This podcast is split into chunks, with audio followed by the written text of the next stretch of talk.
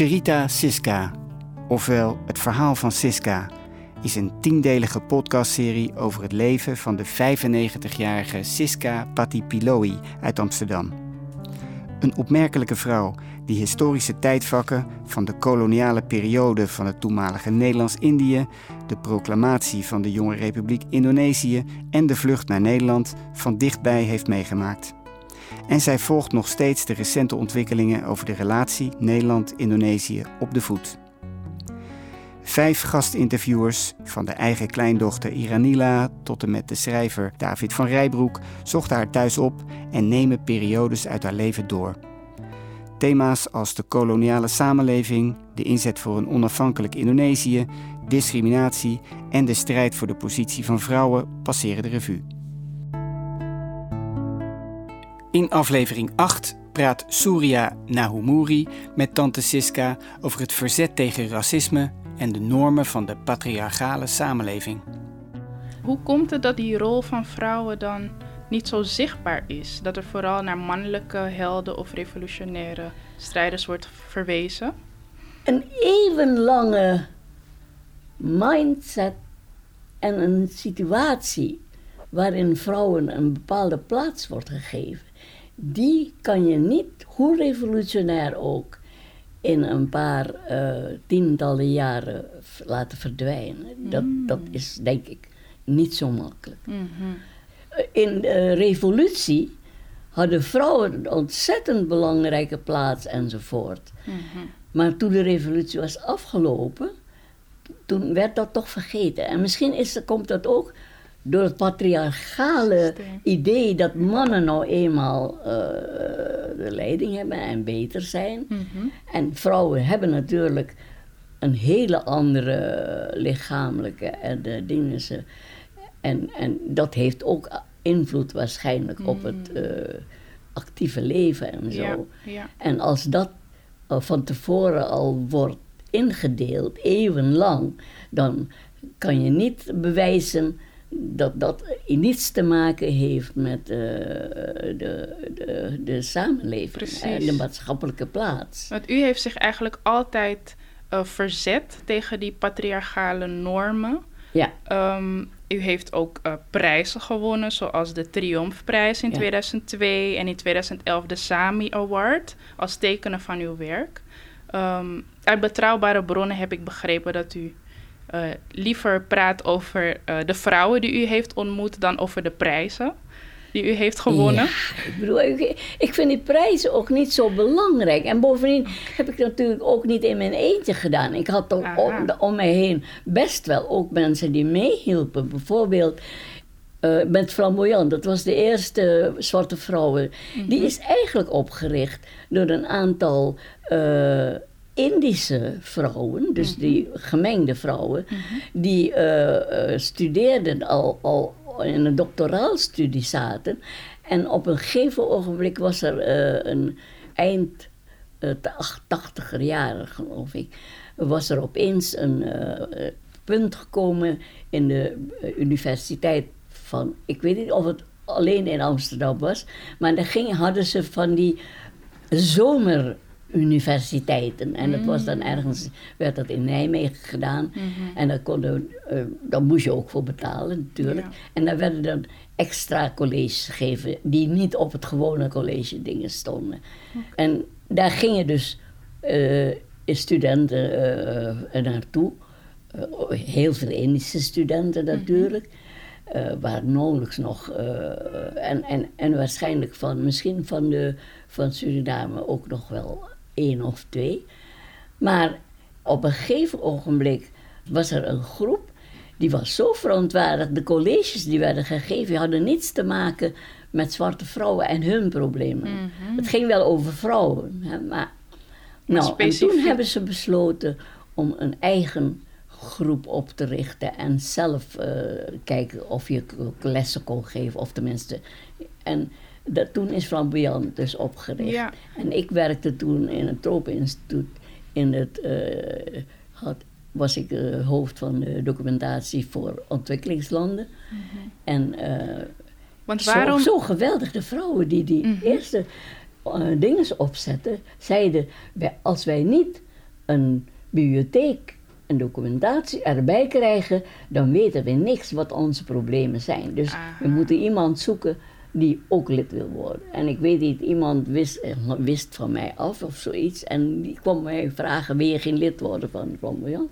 Ja. En dat wilde ik natuurlijk graag, dat vond ik heel interessant. Dus, maar dat moest ik wel na mijn werk natuurlijk doen. Maar zij hadden de vergaderingen allemaal in de avond. Dus dat was heel goed. En in het begin was er een vergadering in Nijmegen. Een eh, eh, kwartaalvergadering, geloof ik. En ook wel ergens anders.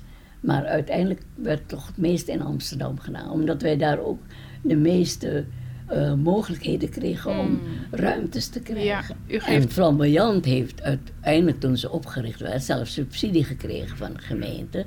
Want ze dachten, dan kunnen we eh, die, die zwarte vrouwen die hier rondlopen een beetje op laten leiden. En dan kan het nu nog beter gebruiken. Ja, want u heeft... Dat is mijn idee. Ah, op die manier. Want u Maar, heeft heel eh, veel zwarte vrouwen ontmoet tijdens uw actieve bestaan. Ja. Zoals eh, Angela Davis, Ja. eh, Bell Hooks, Ja. Nawal El Saudawi. Ehm, ja, hoe hebben deze vrouwen u beïnvloed in uw strijd? Geweldig. En Ik heb al hun boeken gelezen. Maar ja, hun strijd hè, was toch anders Hmm. dan onze strijd in Nederland. En al helemaal dan, dan in, in, in Azië. Wat was er anders aan? Heel an- De toegangen die zij dus niet hadden, die Ah. afgesloten waren, Mhm. die waren heel anders in Azië en Afrika dan in Europa. Mhm. Dus eh, eh, Angela Davis enzovoorts waren, waren natuurlijk allemaal vrouwen die, eh, dat waren nakomelingen van slaven, die in een verschrikkelijk racistisch land Mhm. Precies. opgroeiden. Ja. En dus, en daar waren vrouwen natuurlijk al helemaal, eh, ding. en zeker zwarte vrouwen. Hmm. Want daar hebben we wel nog over gepraat. Dat er een verschil was tussen witte vrouwen en zwarte vrouwen. Kunt u dat vertellen? Wat, wat is het verschil waar jullie nou, over hebben nou, gepraat? nou, de, de witte vrouwen hadden natuurlijk eh, eh, eh, de problemen om tegen de mannen die, die, al, die alles mochten en wat zij allemaal niet kunnen, Mhm. die werden minder gebracht.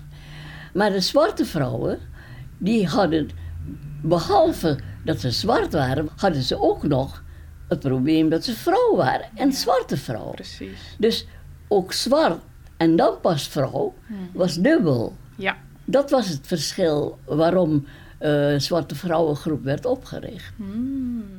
Een van de belangrijkste conferenties van de derde wereldlanden was in 1955 de Bandung-conferentie, ook wel genoemd de Aziatisch-Afrikaanse conferentie, waar 29 landen bij elkaar kwamen, zoals Indonesië, India en Pakistan. Siska Patipiloi was erbij. In 1955 al was er de eerste Bandung-conferentie. Om eh, over de problemen te praten. Om hoe de derde wereld zich moest ontwikkelen en los te komen van de Ja. eerste.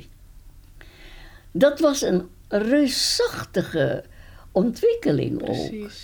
Dat heb ik allemaal kunnen meemaken. Dat, dat is ook helemaal niet bewust natuurlijk en zo. Maar ik werd ook gebruikt omdat ik was een van de weinige mensen die eh, heel goed in Engels en ook wel Frans, eh, Duits en, en, en Nederlands werd natuurlijk niet gebruikt eh, in al die conferenties. Want wij hebben dus een Afro-Aziatische journalistenorganisatie opgericht. We hebben een Afro-Aziatische islamitische organisatie voor het eerst in Indonesië gehad. En we hebben een Afro-Aziatische film. Wauw. Eh, ja, eh, ontzettend. Je weet niet dat in, in die, in die 15 jaar dat Azië-Afrika, dat Nederland, voordat eh, Indonesië door Amerikanen en Suharto werd eh, v- verwoest, was er ontzettend veel gebeurd. Precies. En, en dat is nooit te boek gekomen, omdat dat ook niet kon natuurlijk. Hmm. Dus, en dat is zo jammer, hè? want eh, dat zou een heleboel helpen in de eh, oorlogen en de, de dingen die tegen elkaar opzetten van mensen. Dat zit eigenlijk niet in onze Aziatische samenleving. Ja. Want toen Jan Pieterszoon in Batavia opzette, toen waren er al 150 verschillende etnische groepen in de archipel. Precies. Hebben we nooit iets gehad, maar wel een eh, een heel druk handelsverkeer. U heeft wel eens een uitspraak gemaakt, ik ga het voorlezen. Het is onmogelijk om met zo'n complex geheel als discriminatie en racisme iets te doen in je werk, als je het in je dagelijks leven niet eens onderkent. Ja. Um, we hebben nu vorig jaar, 2020, uh, een golf van Black Lives Matter demonstraties gehad. Um, wat vindt u van deze ontwikkelingen en ziet u dit wel als een onderkenning? Dat racisme doet zich in alle mogelijke uh, dingen van de maatschappij voor. Ja. Tot heden toe Mhm. nog. Uh, het is ook moeilijk. Zolang het kapitalistische systeem de wereld uh, overheerst, zal het racisme niet verschijnen. Want het is een van hun geweldigste uh, ja, niet verdwijnen, dat? inderdaad. wapens. Precies. Om uh, als kleine groep rijk te worden Mhm. en een hele grote groep te kunnen exploiteren. Wauw. En als we kijken naar uh, de huidige tijd, u geeft al aan, het kapitalistische systeem is er nog steeds en houdt racisme onder andere in stand. En ook het racisme is nog steeds. Hè? Is er zeker volop. Dat is uh, een van het belangrijkste wapen van. Hmm. Want daardoor kunnen ze die ongelijkheid Aha. tussen, tussen wit en zwart en arm en rijk.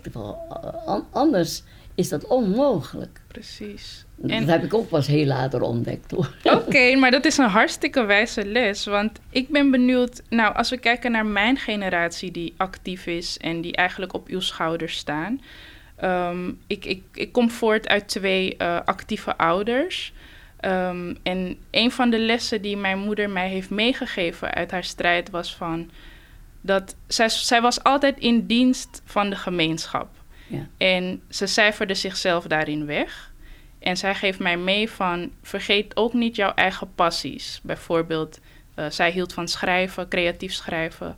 Van vergeet dat niet in de strijd. Ja. Zijn er lessen die u heeft, die u aan mijn generatie graag wil meegeven? Ja, dat is namelijk.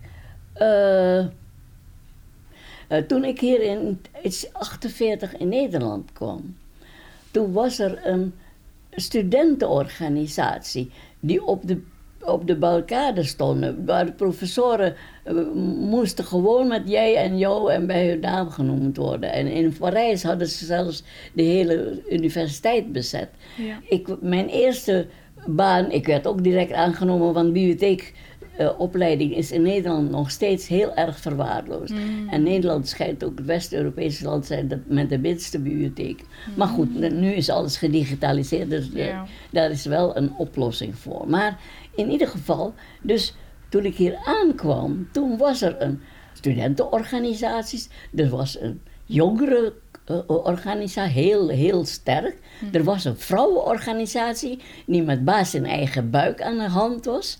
Uh, de, de, er waren allerlei uh, organisaties van massagroepen die voor hun rechten eindelijk wilden opkomen. Ja.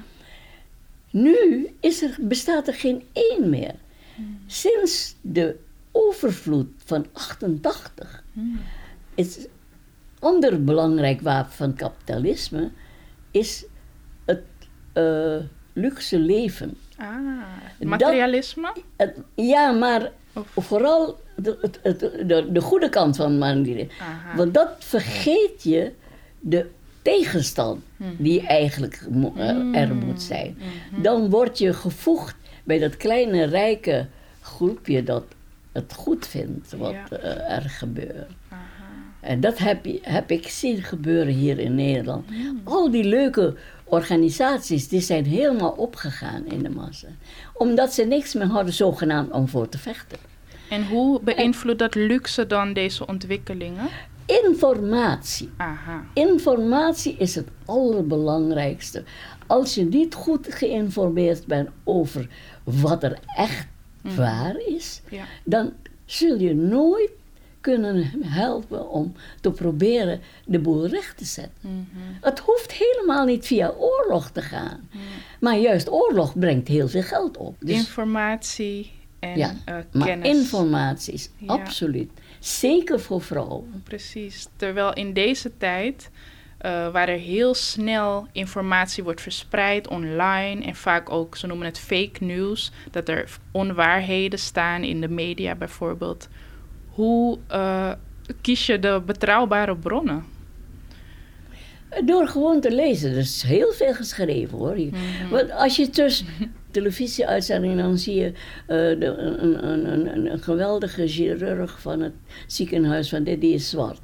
Een heleboel uh, vrouwen, Nederlandse vrouwen, hebben nu hele hoge functies. Mm -hmm. Zijn soms uh, directeur van, van allerlei. Maar ze krijgen de waarde en de erkenning daar niet voor. Ze worden wel gebruikt. Precies. Dat bedoel ik. Precies. Zonder informatie kan je niet begrijpen en ook formeren waarom de dingen zit wat je moet gaan bestrijden. Hmm. Als je iets wil bestrijden, moet je wel weten wat je wil Precies. bestrijden en wat je wil bereiken. Wauw, wijze lessen die we van u meekrijgen.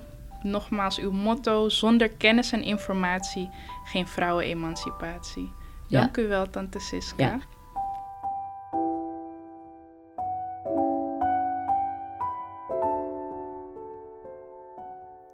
U luisterde naar een aflevering van de podcastserie Cherita Siska, het verhaal van Siska Patipiloi. Dit is een productie van Stichting Cherita Facta, met interviewer Surya Nahumuri. Opname Guido Spring. Eindmontage en nabewerking Guido Spring en Rob Gerritsen. Redactie Carol Burgemeesteren, Tino Patipiloi en Victor Jozef. Deze serie is tot stand gekomen met steun van het Fonds Collectieve Erkenning Indisch Molux Nederland. Meer informatie over Cherita Siska vindt u op www.cheritafacta.nl.